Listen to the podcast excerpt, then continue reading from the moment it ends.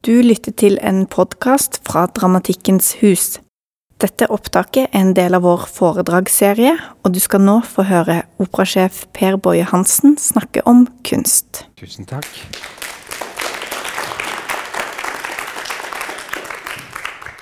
Tusen takk, og takk for at jeg fikk lov å komme. Og takk for at dere har kommet. Uh, jeg må bare få opp notatene mine her. Det Jeg har blitt, eh, jeg er blitt bedt om å holde på i sånn ca. En, en, time totalt sett. Jeg tror ikke jeg kommer til å snakke så lenge. Men så tenker jeg at kanskje dere har lyst til å stille noen spørsmål hvis dere finner på noe underveis. Men jeg har notert meg en del ting som jeg tenkte jeg skulle si først. Da. Så kanskje vi kunne få til en, en dialog etterpå. Og da jeg ble spurt om å holde dette foredraget, så i denne serien da, så blir jeg oppfordret til å snakke om noe annet enn det jeg holder på med i det daglige. Og Det er kanskje grunn til å spørre seg hvorfor jeg da kunne velge temaet kunst. Men det forholder seg altså slik at uh, det å lede en mammutorganisasjon som Nasjonaloperaen stort sett dreier seg om veldig mye annet enn kunst. Jeg skal forsøke å komme litt inn på det senere. Hva er kunst? Hva er grunnlaget for kunst? Hva er kunstens virkeområde? Hva betyr kunst? Hva betyr kunst for enkeltmennesket, og hva betyr kunst for samfunnet? Hva betyr det for samfunnsutviklingen? Hvordan skapes kunst, og hva skal til for at kunst blir skapt? Det er spørsmål som dessverre blir ganske sjelden stilt. Det føles kanskje litt pompøst, litt svulstig. Eh, det kan jeg i grunnen være enig i. Dag Solstad sa i sin åpningstale under festspillen i Bergen Jeg hadde vel bedt ham om å snakke litt om dette her ved den anledningen. Det var i 2012, mine siste Festspill. Så sa han i sin åpningsfesttale, og jeg siterer jeg skal ikke oppholde forsamlingen med noen tale om kunstens livsviktige funksjon. Hvis man er bevisst om at det forholder seg slik, kan det fort virke litt anmasende og unødvendig. Ja, det kan faktisk oppleves som litt uforskammet å skulle bli minnet om det i tide og utide, og ikke minst i en festtale, som jo dette er. Altså, det var for ham da. Men det er det jo ikke nå. Dette er jo ikke en festtale. Så jeg tillater meg da likevel å snakke litt om kunst. Men Solstad fortsatte. Det kunne oppfordre til selvgodhet på egne og kunstens vegne, og det ønsker jeg ikke. Men på den annen side har dette faktum gått noen hus forbi. Dette at kunsten er livsviktig. Vet man virkelig ikke det, så er det ikke bryet verdt å påpeke det for dem som dette åpenbart ikke angår. Man kan da bare forsikre dem om at livet har mye annet å by på. Det var det Dag Solstad sa. Men jeg tror dessverre at vi tar kunsten for gitt og reflekterer i liten grad over dens livsviktige oppgave. Vi snakker i det hele tatt sjelden om kunst. I dag er det mye snakk om å slippe kunsten og kulturen fri. Men hvem er det den skal frigjøres fra? Høyresiden mener den er blitt bundet til politiske føringer. De mener den er blitt satt til å tilfredsstille andre formål. Og det kan jo være mye riktig det. Kunsten og kulturen opplever vi ofte blir satt til å bidra til mange ulike formål. Den skal bidra til likestilling, til integrering, til mangfold, til distriktsutbygging, til byutvikling, til bedre helse, til bedre trivsel og ikke minst til økonomisk vekst og utvikling. Kunsten og kulturen skal bidra til å minske sosiale forskjeller. Den skal hjelpe oss til å bli bedre mennesker. Og ikke minst så er den et gode som flest mulig skal kunne få nyte godt av. Og nå skal altså vår regjering slippe kunsten og kulturen fri. Den skal få lov til å være seg selv. Og Det viktigste grepet for å få dette til synes å være at politikerne skal holde seg unna. Næringslivet og private skal i større grad overta finansieringen, og da mener regjeringen at den kunsten altså vil bedre kunne stå på egne ben. Jeg synes det er en litt snodig argumentasjon for hvorfor skulle det private næringslivet ha større interesse av kunstens egenverdi enn politikerne. Jeg tror retorikken i denne diskusjonen går rundt sakens kjerne. For litt over ti år siden ble jeg invitert til å holde et foredrag for Vestlandskonferansen, som Sparebanken Vest arrangerer hvert år. Og I 2005 var temaet for denne konferansen kultur og næringsliv. Og Et sammendrag av foredraget ble til en kronikk som sto på trykk i Dagbladet og Bergens Tidende. Og Overskriften for den kronikken som jeg da skrev, den var 'Kunstens egenverdi'. Jeg tillater meg innledningsvis å, å, sitere litt fra den kronikken, som det altså ble skrevet for litt over ti år siden. I vår dagligtale så snakker vi om kunst og kultur som om det er to sider av samme sak. Omtrent som skog og mark eller fjell og vidde. Men det er begreper som etter min oppfatning på ingen måte er synonymer, men tvert imot kan være rene motsetninger. Når vi snakker om kunst og kultur, så ligger det ofte en underliggende mening i at dette er noe det gjelder å ta vare på. Noe støtteverdig, noe ideelt, og noe som ikke helt klarer seg selv. Og det å støtte kunsten og kulturen det er noe vi strengt talt ikke er tvunget til, men vi gjør det ut ifra et ønske om å framstå som gode samfunnsborgere. Og kulturlivets aktører er ofte selv ivrige til å stå fram som trengeverdige representanter for spesielle interessegrupper. Som idealistiske kulturarbeidere som kjemper om det offentliges oppmerksomhet og gunst. Sammenhengen er åpenbar. Slik offentligheten etter hvert har skjøvet kunsten og kulturen ut som et marginalt område som tilgodeses med noen promiller av statsbudsjettet, har kulturlivets aktører funnet seg i å være lydige tiggere som ber om å kunne utføre sitt bidrag til samfunnets beste, der grensen mellom sosialarbeidere og kulturarbeidere nærmest er utvisket. Vi er kommet dit at selve grunnlaget for vår eksistens, byggesteinene for vår sivilisasjon, forutsetningene for vår tanke og vårt følelsesliv, premissene for våre sosiale liv og hele vår samfunnsstruktur blir sett på som en pasient med pustebesvær og som det gjelder å pleie så godt vi kan, slik vi også tar oss av andre viktige sosiale og ideelle oppgaver i samfunnet. Vi gjør det i den grad vi strengt talt er nødt til det, og selvfølgelig i den grad vi har råd til det. At sykehjemsplasser og eldreomsorg blir satt opp mot bevilgninger til operahus og kunstnerstipendier, er bare en konsekvens av denne utviklingen. Når vi snakker om næringsliv og kulturliv, så kan man få inntrykk av at det er kulturlivet som trenger og som nyter godt av næringslivets støtte og velvilje. Men i realiteten så forholder det seg jo motsatt. Det er næringslivet som er helt avhengig av kulturlivet. Det er kunstnerne, filosofene, vitenskapsmennene og arkitektene som har skapt den vestlige kultur som vi fremdeles påberoper oss å være en del av. I dag så kan det virke som om kunsten og kulturen er blitt overflodsfenomener.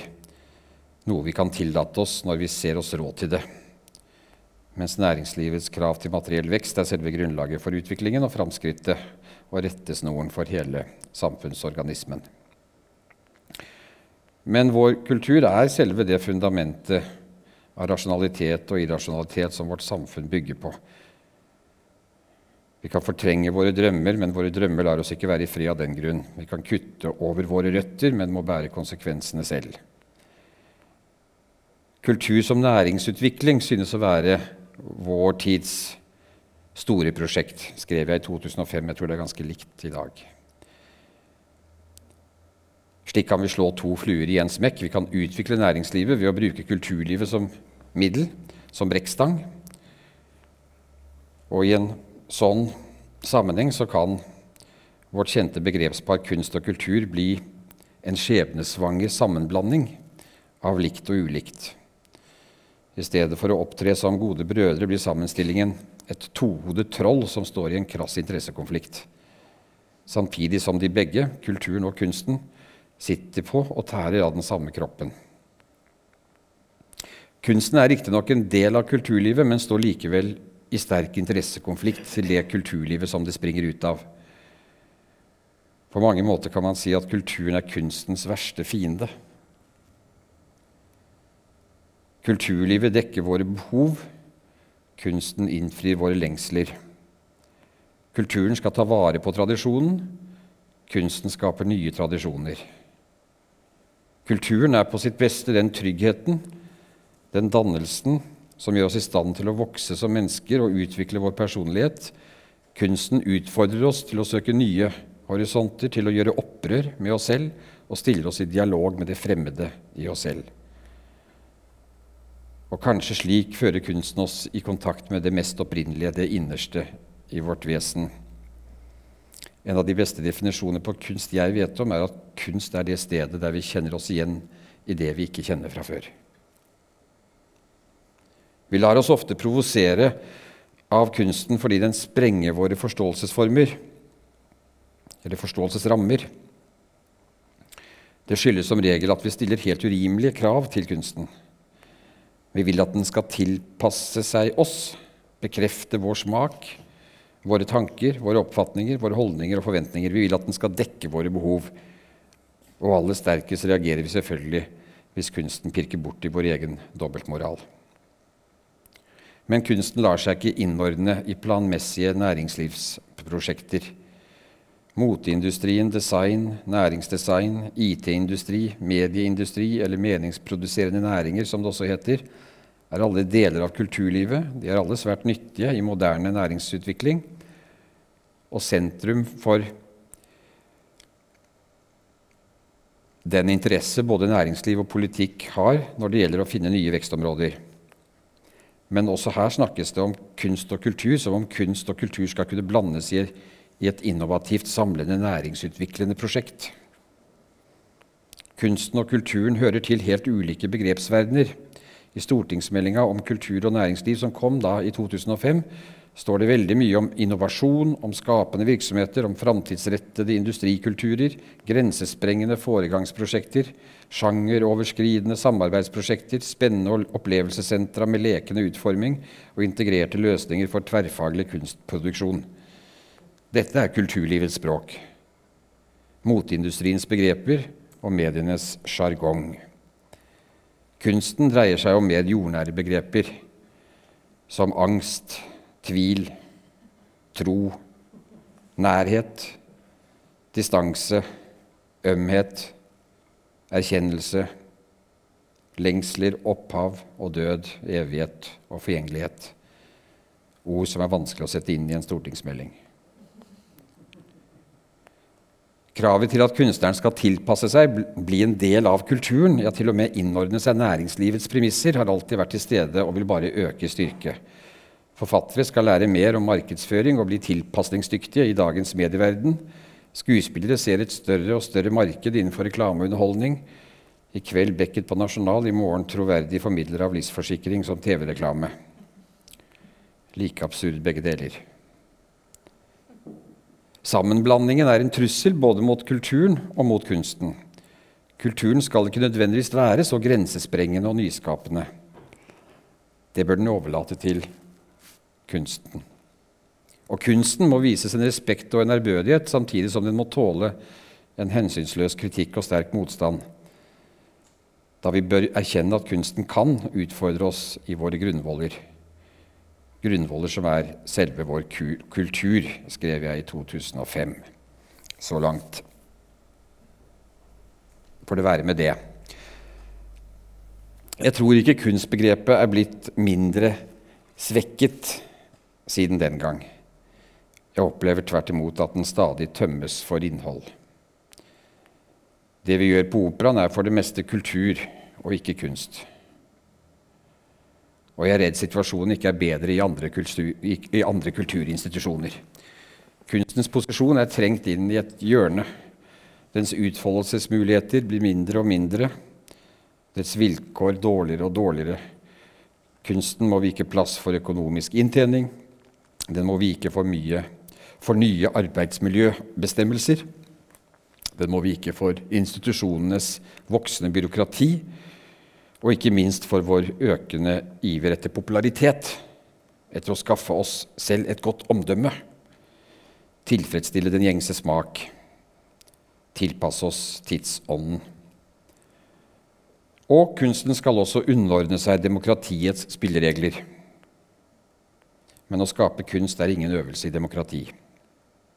Den lever av hierarkiske strukturer. Den oppstår ikke som flertallets vilje. Kunsten skapes av strukturer og krefter som i sterkere og sterkere grad støter mot vårt egalitære, demokratiske samfunn. Jeg uttrykker det spissformulert. Kunsten kan være kulturens verste fiende. Og det oppleves faktisk ofte slik. Der hvor kunsten insisterer på sin frihet til å være kunst, møter den fremdeles sterk motstand. Ikke bare i offentligheten, men også internt i kulturinstitusjonene. Derfor er det veldig mye av den skapende virksomheten som skjer utenfor institusjonene. Forhåpentligvis sånn som her, på Dramatikkens hus. Kunsten lar seg ikke tilpasse de krav og den kultur som sterkere og sterkere får grep om våre kulturinstitusjoner.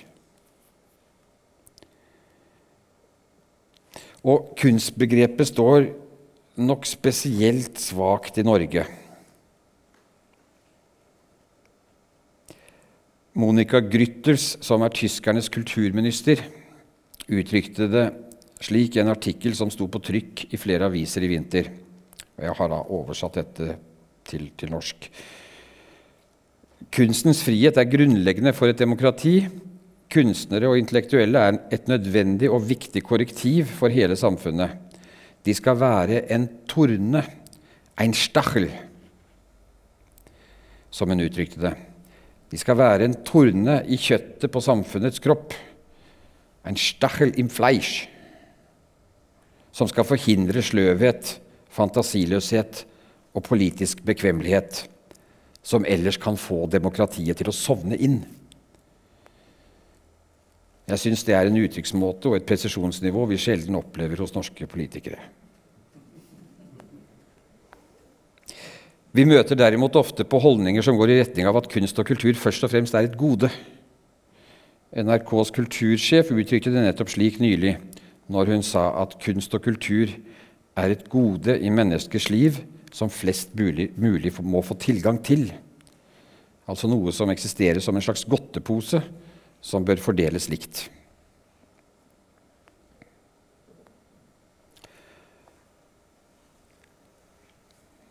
Jeg skal forsøke å si litt om hva kunst betyr for meg. Hvordan jeg reflekterer over kunst, og hvilke erfaringer jeg har gjort meg som har betydd mye for meg. Og først og fremst så er kunst en mulighet til å erfare verden på en måte som er kun mulig gjennom kunsten. En unik kilde. Men den betinger en aktiv mottaker. Man, man bør ikke kunne eller vite mye om, om, kunst, men man må være åpen for at kunst faktisk berører ved å kommunisere, å kommunisere med sider av oss som er vesentlige vi, vi, har så lett for oss å plassere kunstlivets virkeområde til noe som er en slags luksus, en form for underholdning som er god å ty til, som adspredelse, som avkobling, og det kan det jo også godt være. Men, men kunstopplevelse er ikke først og fremst en, av, en, en avkobling, men, men, først og fremst en tilkobling. Tilkobling til sider av oss som er sentrale for å forstå våre egne muligheter og, og våre egne begrensninger. Og Det er derfor ikke så rart at, det, at nullpunktet for skapende virksomhet at, at forutsetningen for kunstnerisk skaperevne og for en kunstnerisk opplevelse eller erfaring ofte, svært ofte, er fortvilelse,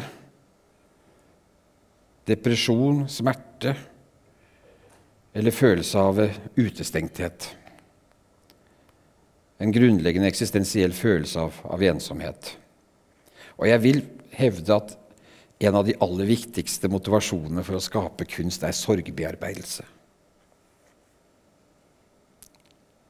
Utgangspunktet er ofte isolasjon, men med et ønske om å bryte ut av isolasjonen, så kan altså denne muligheten som kunsten gir oss, dukke opp. Plutselig kan den fylle tomrommet, forvandle innestengtheten til muligheter for kommunikasjon. Ny kommunikasjon med oss selv og med den verden som omgir oss.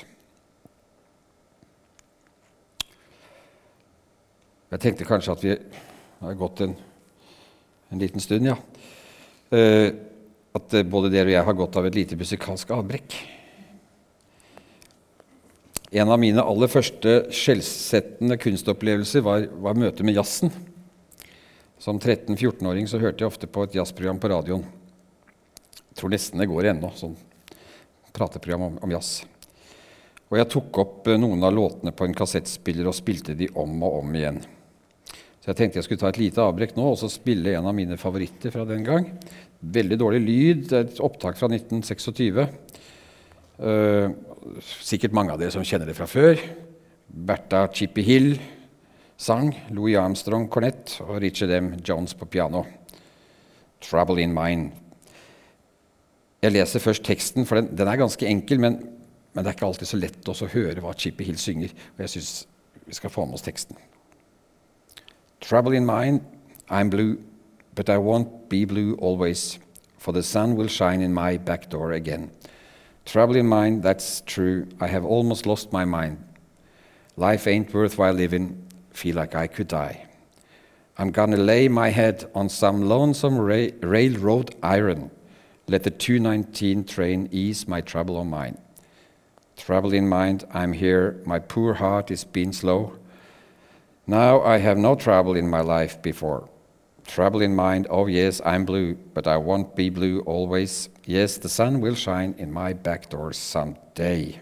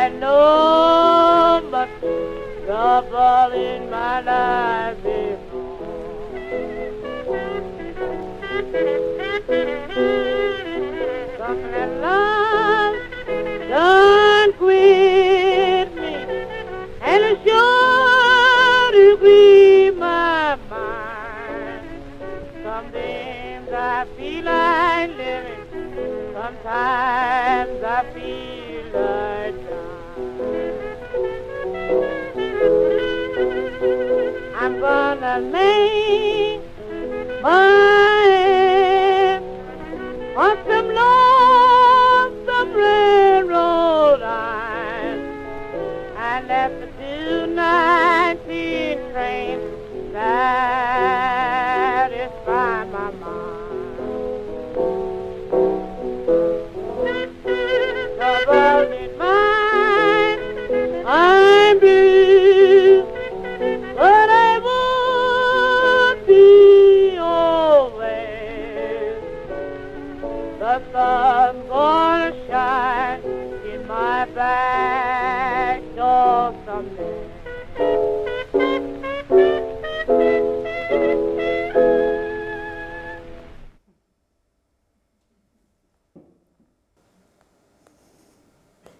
Musikken er jo for meg som kunstform i en særstilling. Jeg er overbevist om at musikken er noe av det som sterkest preger oss. Ikke bare vårt følelsesliv, men, men den gir muligheter til å erfare situasjoner, følelsesmessige tilstander, eller, eller også ideer, visjoner, som ellers hadde vært helt umulig. En rekke begreper hadde vært helt annerledes for oss hadde vi ikke kunnet erfare dem gjennom musikken. En sånn ting som sorg, f.eks. Jeg tror ikke vi hadde visst egentlig hva sorg hadde vært hvis vi ikke hadde kunnet høre musikk som uttrykker sorg. Og sånn er det med mange andre ting, selvfølgelig. Lykke, kjærlighet, angst, jubel, lengsel, savn, tilhørighet, nærhet. Det er alle begreper som musikken har gitt en utvidet mening. Og det er gjennom musikken vi har kunnet erfare omfanget og dybden. Musikken åpner for utvidet mening. Ja, også naturen er blitt tilgjengelig for oss på en annen måte gjennom musikk.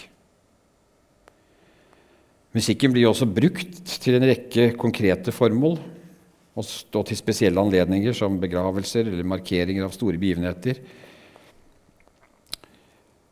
Musikken eh, kan være samlende, eller det kan i hvert fall fungere som en samlende ramme, slik den gjorde etter 22.07.2011. Da kong Haakon døde i september 1957, så spilte radioen sørgemusikk i flere dager. Jeg gjorde ikke noe annet enn å spille sørgemusikk. Jeg ble for øvrig født bare et par uker senere, så jeg kom altså til verden under landesorg. Men også motsatt så kan, kan musikken brukes f.eks. til militær, militærmusikk. Militærmusikk ble brukt for å oppildne og motivere soldatene til innsats. Så hvordan vi forholder oss til musikk, bør ikke være likegyldig.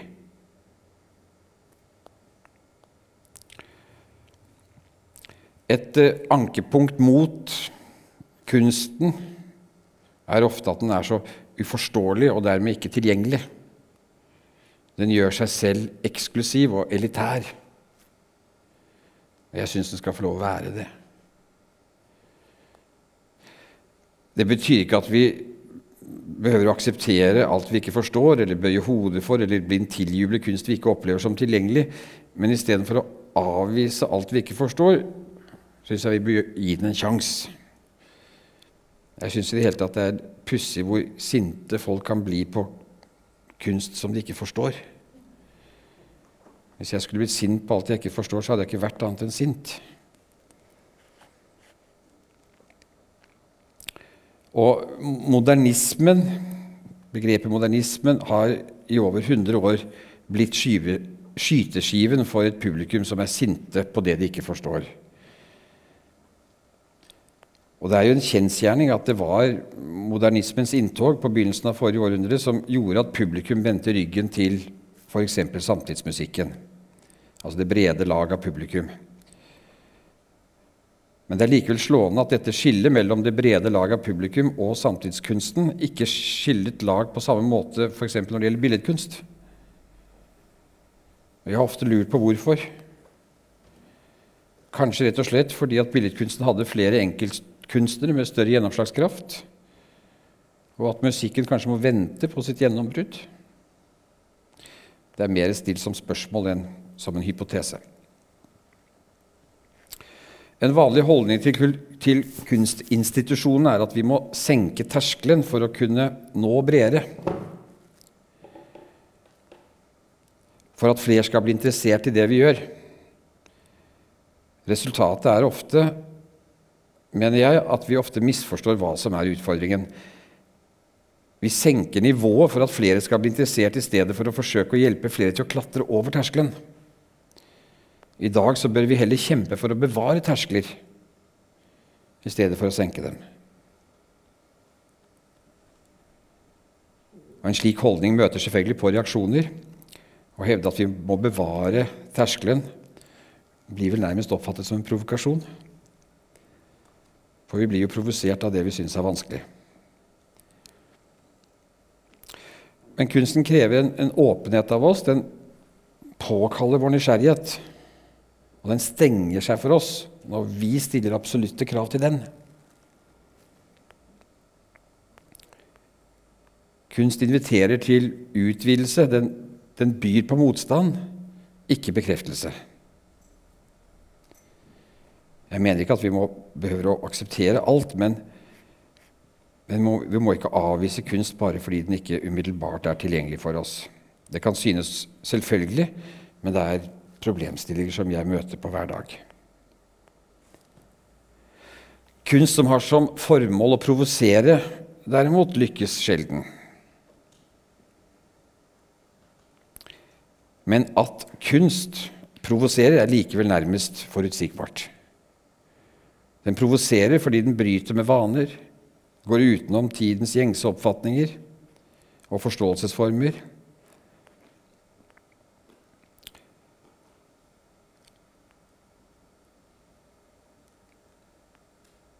Stein Mehlen kaller, kaller dette for tanker som tenker seg selv. Han peker på at vi ikke ser de mytiske mønstre, de forståelsesformene som preger oss, og at det er kunstens oppgave å stå i et vindskjevt forhold til sin egen samtid. Kunsten skal stå både innenfor og utenfor, men blir bare gyldig i den grad den klarer å bryte med tidsånden. Og ofte er det som synes som slike brudd, at det som gir kreditt for å være nyskapende og grensesprengende, det som vi gir kreditt, er det som er, som er det mest selvfølgelige, det mest konforme man kan tenke seg som er mest fanget av tidens selvtenkende tanker. Det konvensjonelle har alltid hatt et sterkt grep om scenekunsten generelt og operakunsten spesielt. Og årsakene til det er nokså opplagte. Det er store, tungrodde og ikke minst kostbare uh, institusjoner, altså det stort og kostbart apparat, som blir som et bollverk mot fornyelse. Og I tillegg så kommer selvfølgelig dette med behovet for langsiktig planlegging. Vi må planlegge så langt inn i fremtiden at når vi først er der, så var det noe vi egentlig planla for fire år siden. ikke sant?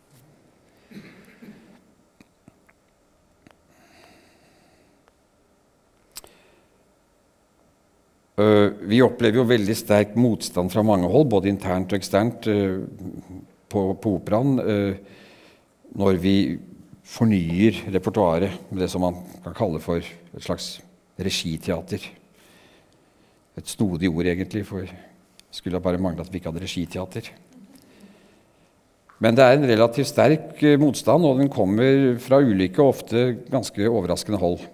Jeg skal ikke plage dere med min utlegning om hvorfor jeg mener en regissør må få stå fritt å, til å interpretere et verk, selv om det bryter mot fremførelsestradisjonen og til dels også bryter mot komponistens egne føringer for det sceniske uttrykket. Det er et omfattende og komplekst spørsmål, men hvis det er noen som gjerne vil diskutere det her etterpå, så kan vi kanskje ta opp spørsmål i, i spørsmålsrunden. Jeg hevder altså at, at kunstens vilkår blir trangere og trangere. Et angrep på kunstens frihet kommer fremdeles fra moralens voktere. Et krav eller forventning til kjønnskvotering f.eks. er blitt sterkere. Jeg syns det er ganske meningsløst å kreve at en kunstner, at en kunstner bør være opptatt av, av likestilling. Eller at en forfatter blir angrepet fordi hans hovedpersoner stort sett er av samme kjønn og på samme alder som seg selv. Men det største problemet er selvsagt kravet om inntjening og oppnåelse av bestemte publikumsgrupper. Tidligere så bygget så godt som all produksjon på kvalitet som det viktigste formålet. En håndverker laget en stol slik han mente den skulle være. Satte han en pris på, på den, hva han syntes den var verdt, eller satte en pris på den fordi han hadde, som skulle han få tilbake av det arbeidet han hadde nedlagt. Men i dag så er jo nesten all produksjon rettet mot profitt og hva markedet ønsker. Og stolen blir lagd med det for øye, og ikke ut ifra kvalitet. Men denne tenkningen da, forvandler liksom den verdiproduksjonen til den profittrelaterte Nå ble det borte. Nei. Den tenkningen gjør seg også mer og mer gjeldende i kulturinstitusjonene. I stedet for å skape kunst og forsøke å, nå flest mulig, så dreier det seg mer og mer mot en holdning praksis der vi analyserer hva markedet vil ha, og så retter vi vårt innhold etter etterspørselen. Og Den farligste trusselen til kunstens autonomi kommer fra en ny symbiose mellom institusjonene selv og dets eiere, politikerne. Det har, oppnått, det har oppstått et nytt språk der de møtes og omforenes. Og det forløsende ordet her, det er omdømme. Vi er blitt enige om at det viktigste for institusjonen er å skaffe seg et godt omdømme. Og det er ikke lenger selve kunstproduksjonen og kvaliteten på denne som er det avgjørende, men, men omdømmet. Eller det som også blir kalt for samfunnsoppdraget. Vi blir strengt fortalt at samfunnet er ikke til for oss, altså samfunnet er ikke til for oss, men det er vi som er til for samfunnet. Det er ikke til, lenger tilstrekkelig å påberope seg legitimitet gjennom kunstneriske resultater, gjennom kunstnerisk kvalitet. Det er i hvilken grad vi kan oppfylle samfunnsoppdraget vi, nå, vi, vi nå skal måles. Og samfunnsoppdraget er å skaffe oss et godt omdømme. Økonomene har for lengst inntatt sjefskontorene i kulturinstitusjonene, men jeg tror ikke det er lenge før omdømmeekspertene kommer etter. Om de ikke allerede har unnfunnet seg her og der. Nå skal vi utsette oss for krav og forventninger fra, fra publikumsgrupper innen alle samfunnssjikt. Det ultimate mål er å skaffe oss et publikum som gjenspeiler samfunnets demografiske sammensetning. Altså Det skal være noe for alle overalt, slik at vi blir 100 tilpasningsdyktige til å imøtekomme kravet utenfra. Vi skal bli leverandører av eksisterende meninger og innhold istedenfor å være premissleverandører for et nytt innhold og nye meninger. Mens jeg hevder altså at vårt samfunnsoppdrag nettopp er å åpne for erfaringer som bare kunsten er i stand til å gi rom for. Vårt oppdrag er nettopp å være en korreks til det samfunnet vi er en del av, ikke å tilpasse oss det. Vi skal være tornen i det kjøttet på samfunnets kropp. Eller som den svenske regissøren Alf Sjøberg uttrykte det Teatret skal ikke speile virkeligheten, teatret skal protestere mot virkeligheten.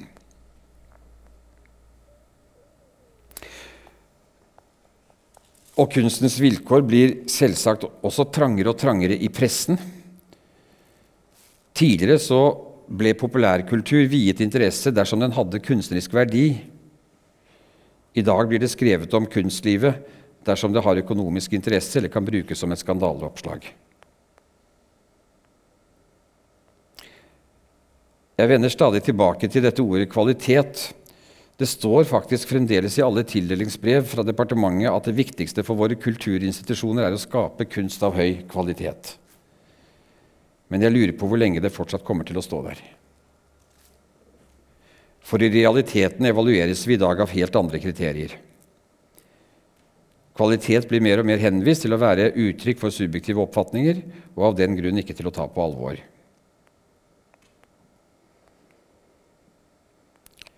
Ja, hva menes egentlig med kvalitet?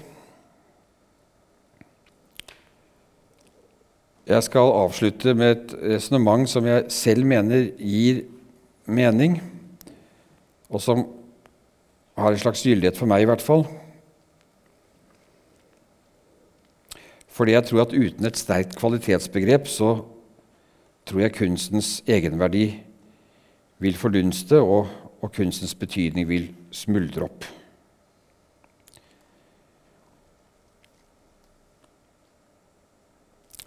Uh,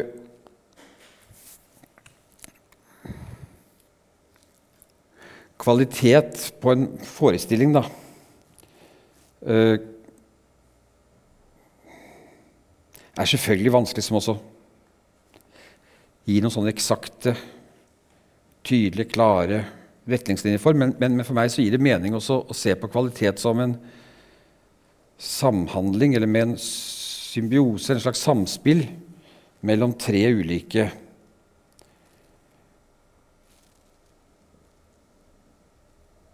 kvaliteter, eller tre ulike egenskaper. Det ene er fremdeles det man kan kalle for profesjonalitet. Innenfor de aller fleste kunstområder så finnes det fremdeles ganske sånn klare, tydelige, profesjonelle kriterier.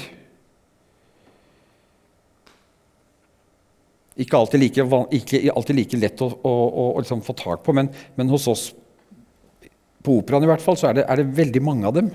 Veldig mange tydelige, klare, uh, profesjonelle kvalitetskrav. Det må spilles godt i orkesteret, det må synges rent. Du har sceneteknikken, det er mange, veldig mange profesjoner, veldig mange håndverksprosesjoner som må holdes i hevd for at, at uttrykket skal kunne nå fram. Da. Så det er som en ren, ren krav til en eller annen form for perfeksjon. Men det er klart at perfeksjon i seg selv er jo ikke nok. Det er ingen som blir beveget av å se noen Ja, det kan man kanskje også bli, men, men det har litt kort, kort, varighet da, å se noen framføre noe som er helt fantastisk. Vi kan bli imponert over det, men vi kan vel knappest kalle det for kunst. Det kan til og med bli fryktelig slitsomt hvis man ser en forestilling hvor, som vektlegger først og fremst det virtuose. Men det er nødvendig for at budskapet skal komme fram. Og så kommer det som jeg faktisk mener er, er det, kanskje det viktigste. Det er å hele tiden kreve en form for originalitet. Det betyr jo ikke at, at det skal være så veldig originalt. Men det skal være litt annerledes enn noe annet. Det skal være originalt i den forstand at det, skal, det må ha et krav om å skille seg fra noe annet.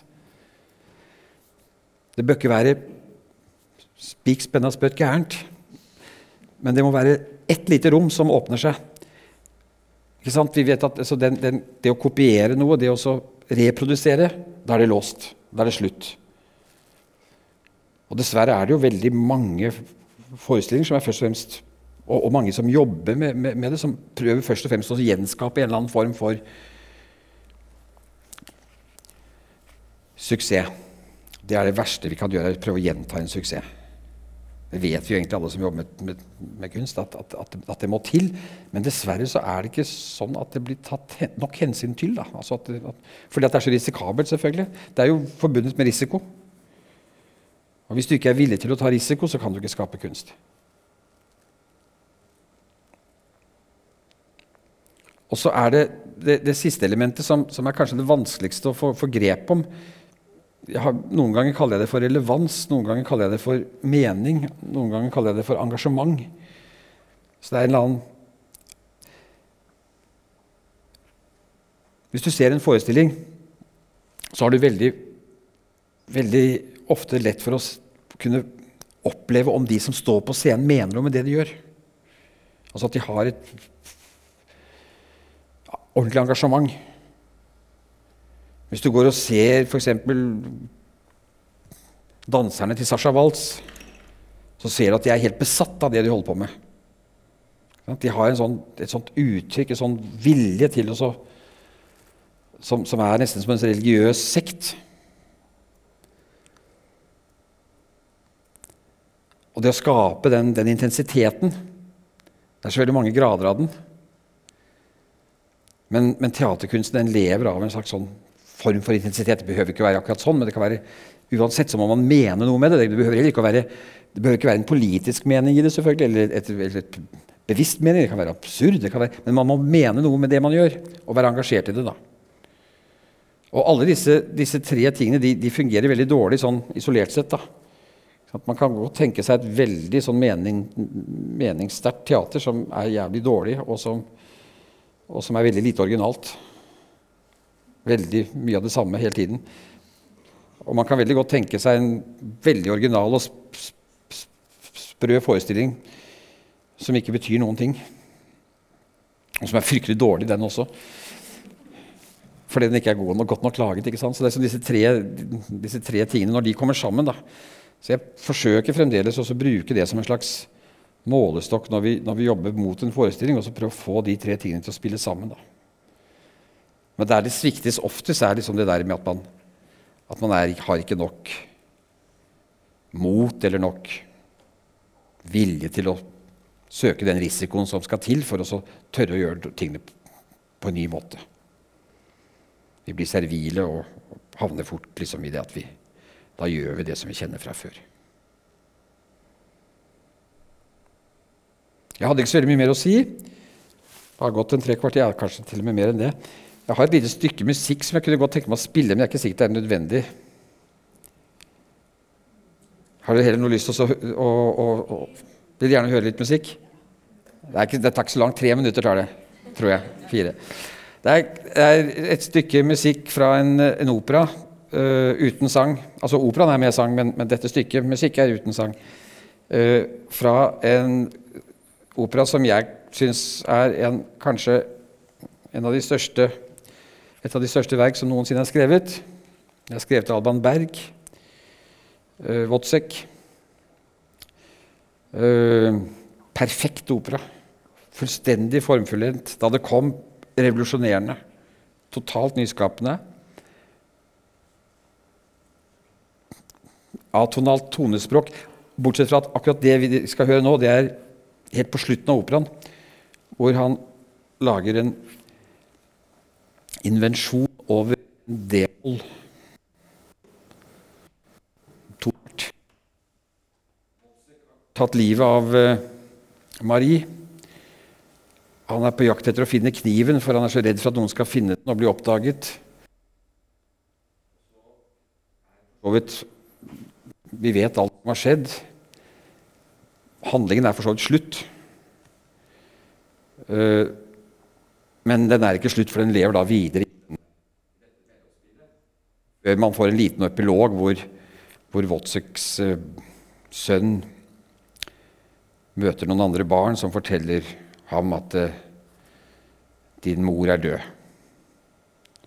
Men for å bygge opp til denne, denne sluttscenen, eller til å avrunde, eller til å fortsette dramaet, så har han laget denne uh, fantastiske lille slutten, som, som, kan være et godt eksempel på, på kanskje et stykke musikk som,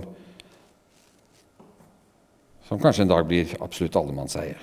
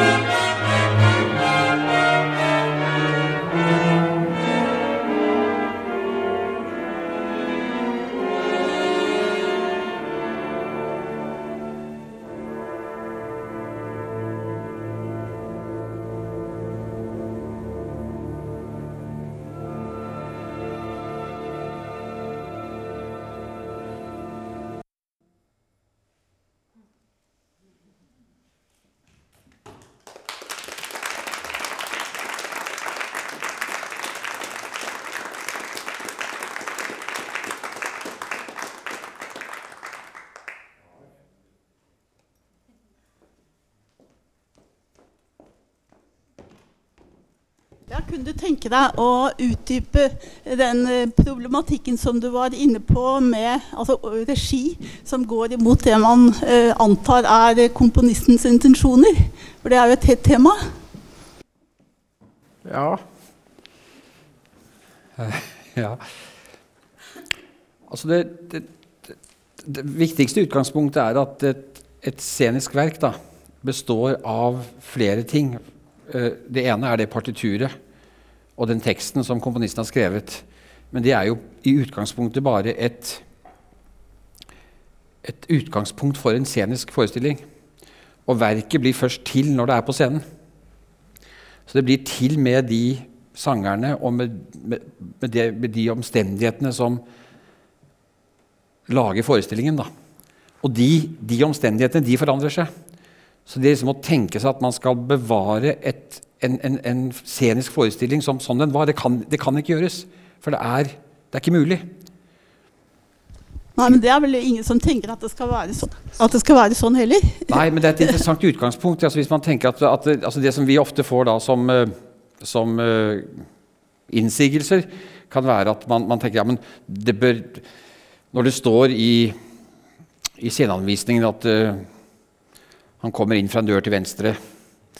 Eller at uh, vi ser en hage i, i, bakgrunnen, og så er det ikke noen hage der.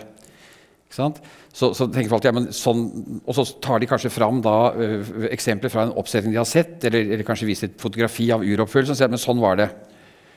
Men da er det på en måte å, å påberope seg en eller annen form for gjentagelse av noe som ikke lar seg gjenta. Og det er ikke en del av verket. Altså det, jeg vil påstå at Sceneanvisning for eksempel, til en komponist er ikke en del av verket.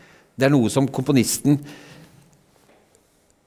ønsker å bidra med i den, scenen, i den virkeligheten han er i som komponist, når han da skal være med på å sette opp et stykke.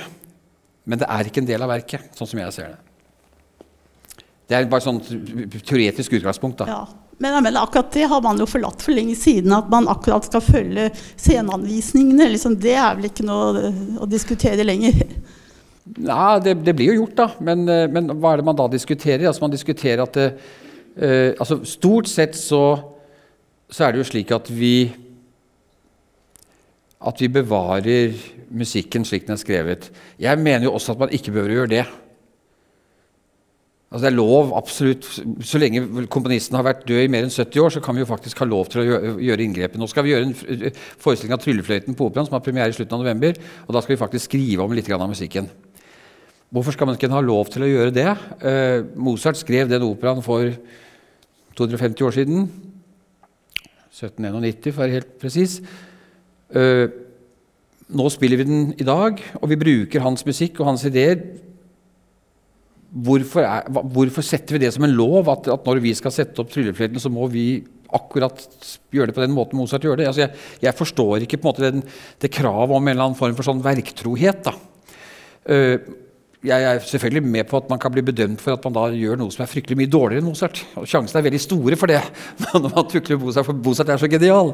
Så den kritikken er bra, men, men det forbudet om at man ikke skal prøve at man ikke skal forsøke å gjøre noe nytt. Det er det som, som, som, jeg ikke aksepterer. Men da kan man jo si at det er etter Mozart. Akkurat som nå, man nå pynter på Ibsen-forestillinger og sier at det er etter Ibsen, f.eks. Putter inn forskjellige ja, ting. Så det er samme prinsippet at man det... bare er, er, ved at det er ikke helt originalt. Ja. Men jeg tenker jo mer på En bearbeidelse. eller Man kan si at altså, Når vi nå setter opp tryllefløyten, så tror jeg vi sier at det er tryllefløyten av Mozart. For det, mm. virkelig, hele hans verk er, er beholdt. Men, ja. men, men, eh, men, det står absolutt at det er en tekstbearbeidelse av Alexander Mørk Eidem. Det står at, det er, at, vi gjør ting med det. Så det, det må man jo være ærlig på. Men jeg tenker på Bayreuth, altså hvor man jo til de grader er, er tro mot Wagner. Likevel så, så slipper man jo Castor Fløs med en veldig skal vi si, uortodoks regi. Da. Liksom, mm. Så da har man jo den tekst- eller altså musikktrofastheten. Eller altså trofasthet mot det opprinnelige kontra en veldig skal vi si, radikal regi. Ja, ja, men altså, Hvis du tar det eksempelet, da. Ikke jeg sett Kastorfs ring, dessverre, men, men, men, den har jo fått forferdelig mye pepper. Ja. Og nettopp fra det hold som mener at det sånt må man da ikke ha lov til å gjøre. Det kan hende at det var en fryktelig dårlig forestilling.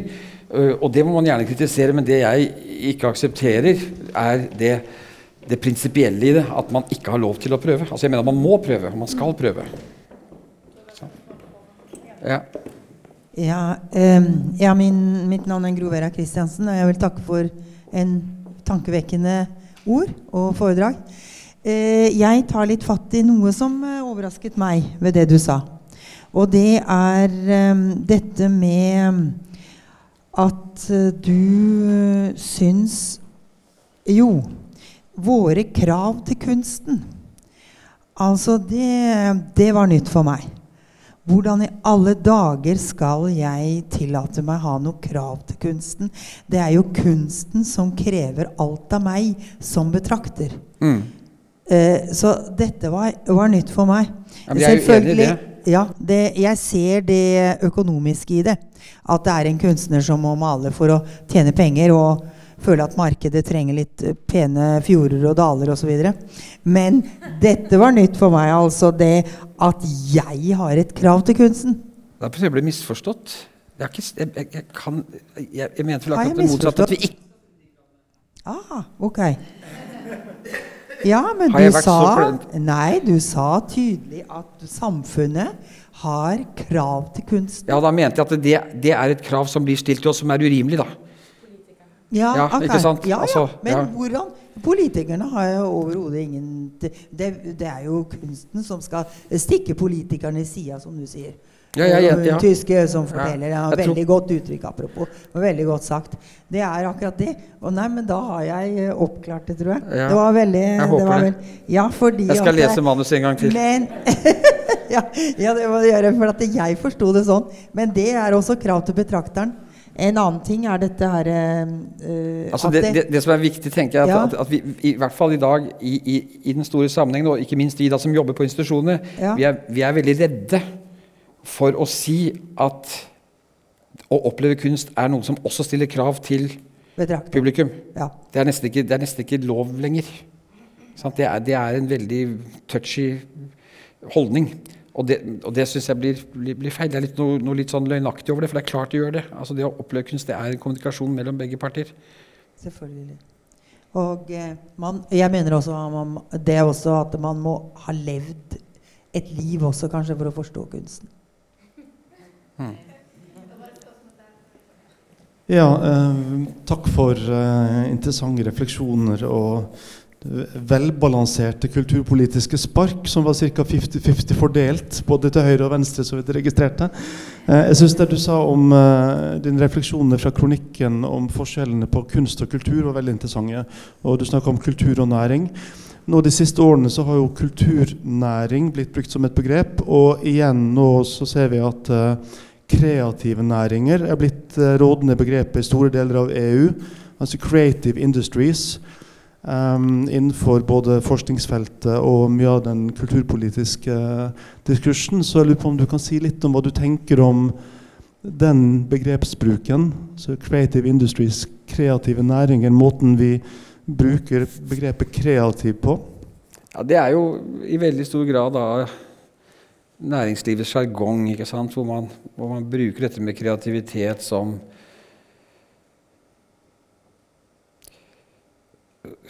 Som i hvert fall det motsatte av kunst. Uh, og man annekterer på en måte kunstfeltet og kunstens begreper, og så setter man det inn i en helt annen sammenheng. Uh, det og, og det er vel eh, Det er en slags snylting på kunstlivet. At man eh, frarøver Altså, man, man man påberoper seg liksom å være både skapende og altså sånne, ord som, som innovasjon og, og kreativ og skapende og nyskapende. Nyskapende i seg selv er jo et merkelig ord. Alt skapende bør være nyskapende. Eh, det er masse sånne sjanger, det blir sånne sjargongord som blir brukt da fordi at det høres veldig flott ut og det låter, låter fint, men, men det er egentlig ganske tomt og innholdsløst.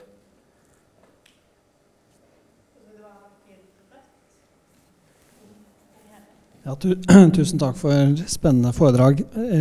Du snakker jo overbevisende om kunst, men jeg lurer på, er det mulig altså, at det ikke fins? Ja. Sånn at eh, vi på en måte Om Gud fins. Ja, ikke sant? Så er det ikke sånn med kunst òg, at vi kanskje enten at det ikke fins, eller at vi i hvert fall ikke kan bli enige om at det der, der, fant, der var det kunst. Ja Jeg er vel veldig åpen for det. uh, på en måte. I hvert fall som en sånn, Hvis man stiller spørsmål på den måten, da, så kan det nesten bli slik liksom, Fins det en gud? Men uh, fins det en kunst? Men, men, for meg er vel altså kunst tross alt en helt konkret erfaring. da. At, at, det er et sted hvor, hvor, du kan bli tilkoblet noe som du ikke har vært tilkoblet, eller du kan få en erfaring, noe som gir mening gjennom kunsten. Så rett og slett bare et sted hvor du kan oppleve verden på en måte som bare er mulig innenfor å lese en roman eller se et teaterstykke eller høre på et musikkstykke. Eh, om det da er kunst, eller hva, hva man kaller det, det, det, Når du bruker det på den måten, kan det hende at kunst ikke finnes. Så kan man kanskje være åpen for at, at det er mulig, men, men kunsterfaring den er helt personlig, og den er, den er helt, den, er helt den, den, på, den, vet jeg finnes. Men det var noe i Solstads-sitatet ditt først som uh, gikk inn på at, uh, eller ut på at det rett og slett ikke var mulig å overbevise de som da ikke erfarte det, ja. at dette er kunst. Og det han sa der, var jo veldig sjenerøst, å si at livet har også veldig mye annet å by på. Og det har det jo virkelig. Ja, hallo. Fotball, f.eks. Det er sikkert mange som skal hjem nå og se på Champions League. Hånd i været der. Unnskyld. Ja, bare kom, fort kommentar til uh, oppi der. Uh, apropos det du spurte om, da tenker jeg at det er kapitalen som stjeler kunsten for å tjene på den. Um, nytt um, spørsmål til deg apropos lav terskel. kan du gjenta hva du mente om lav terskel? For det er jeg veldig interessert i hvordan vi opererer rundt lav terskel i dag. Nei, det er, det, er, det er, bare Hos oss og andre steder så ser jeg at, at, at, det, at, det, kommer meninger og krefter som sier at vi må senke terskelen for å få folk inn. ikke sant? Og Men er det, som, det som inntreffer, er at man da istedenfor å så lage den forestillingen som vi mener er viktig, så lager vi den forestillingen som vi, vi, tror folk vil like. På et vis. ikke sant? Også, også, eller, altså det kan bli så banalt at man, liksom, at man toner ned budskap, man toner det ned man gjør, for å få folk inn. da.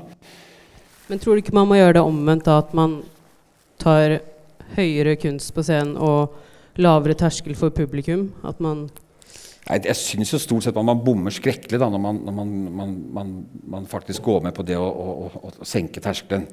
Men, men, men uh, For veldig sjelden blir jo det noe, noe ut av. Ja, jeg, jeg, er helt enig, men jeg tenker høyere terskel på scenen og lavere terskel for publikum. Altså invitere inn folket da, på en eller annen måte. At man kan jobbe mer mot det. Ja, absolutt. Men ikke ved å senke terskelen. Med å hjelpe dem over terskelen. da. Ja, nettopp. Ja. Men det er der jeg tenker at man må formulere hva er uh, terskel i, i kultur Eller mm. det de diskuterer, da. Det er jo ikke terskelen på scenen, tenker jeg da. Ja. Men det er terskelen for Nettopp. Ja, det er bra. Inn, ja, det er bra. Jeg tror heller ikke at det er den største terskelen. For noen er det det. Men uh, du kommer inn på operaen for en hundrings. 150 kroner. Nei. Nei det er en del sånne ting man kan jobbe med. Det er helt sikkert. altså. Men, uh, men det, er klart, det, er, helt klart det er folk i dag som ikke går fordi de ikke har råd til å gå så mye som de ønsker. i hvert fall. Det er, det er ingen tvil om. Men, men, det er ikke så mange. Og det er veldig mange andre grunner som at de ikke går, enn at de ikke har råd.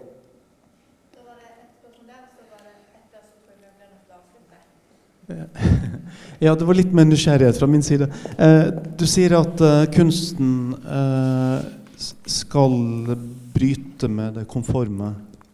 Sant? Eller skal bryte med tidsånden, unnskyld. Det du sa. Jeg mener at den nesten alltid gjør det, da. Ja, ok. Som, som uh, et barn av det postmoderne 90-tallet så tenderer jeg til å mene at det finnes ingen tidsånd. Men det finnes kanskje mange forskjellige tidsånder, alt etter ståsted. Men, men jeg er litt nysgjerrig på hva, hva, du vil svare på. Kan du gi et eksempel på et kunstverk laget i Norge de siste fem år som du ikke har produsert selv. Um, som, som, bryter med den tidsånden på en sånn måte som du syns har god kvalitet. Altså et godt forbilde, et godt eksempel på et sånt kunstverk. Eller flere. Ja, uh, jeg har sett flere virkelig gode forestillinger som, uh, som gjør det. Den uh, første som slår meg, den derre Hva heter den? 'Tygger på tidens knokler' på Nationaltheatret. For som var en fantastisk forestilling. som som var uh, Men det, det, er jo det ofte da et sånt kunstverk gjør. ikke sant? Den, den, den, den bryter mot alle de der forventningene som, som ligger der. Som, som, da kunstneren og publikum forsyner seg av. Og så enes man i en eller annen form for sånn konforms møte hvor man alle får innfridd det man forventer. Og så er det ikke noe annet som skjer enn at at, at man uh, Mens det skjedde ikke der, tror jeg. Det, det, det var veldig overraskende og veldig, veldig radikalt scenespråk og veldig interessant uh, tematikk. Og. Men jeg, jeg, mener ikke noe annet enn at, at, jeg, at jeg, tenker at, at, god kunst alltid gjør det. Da, det, er ikke, det er ikke at, kunst må gjøre det, men, men det, gjør faktisk det. Ja. Jeg syns også det var en fantastisk forestilling, men jeg ser ikke helt hvordan den bryter med tidsånd. Nei. Nei, du har nok rett i det at det, tidsånd er et vanskelig begrep å bruke. da. Det er det. For det er som du sier, mange, mange tidsånder på et vis. Men det, det som jeg, jeg, kanskje mest mener med det, er liksom den, den mest opplagte meningsutvekslingen, eller den det som, det som vi Det som er den herskende språket, da.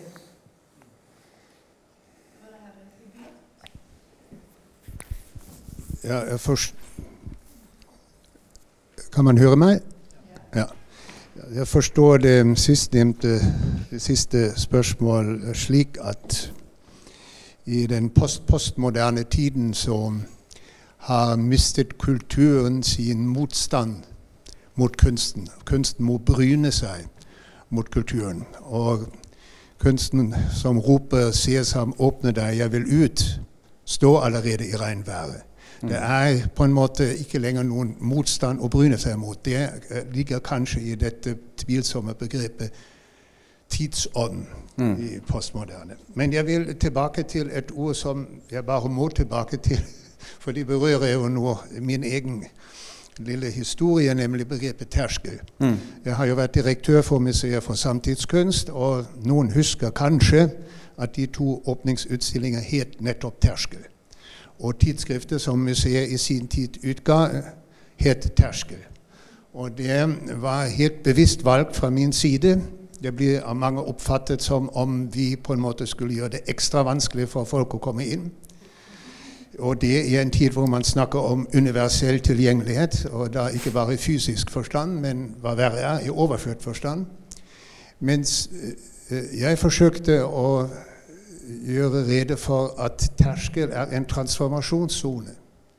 At vi forlater en bestemt måte, en bestemt atferd, i en virkelighet og går inn i en annen. Og terskel gjør oss dette bevisst. Det er det stedet hvor vi på en måte blir ja, På tysk heter det einstimmungsraum, som man laget i romantikken. Altså et rom hvor man kommer inn for å måtte bli stemt for kunsten. Altså litt i retning av et ritual? Ja, nei, i form av et rom, f.eks. Altså hvis du går i Altes museum i Berlin, så går du altså inn i, en, i et rom som henspiller til antikken. Et kuppelrom, og det var rommet før man kom inn til selve kunstverkene. Altså Man blir stemt for å kunne ta imot kunst, og det krever noe.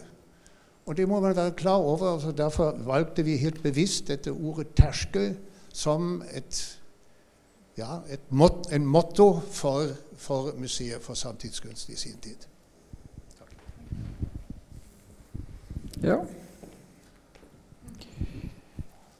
Har du lyst til å komme med noen nei, avsluttende, konkluderende Nei, det, hvis jeg skulle si noe, så må jeg bare si at jeg takker dere for at dere har holdt ut en hel time, og vel så det.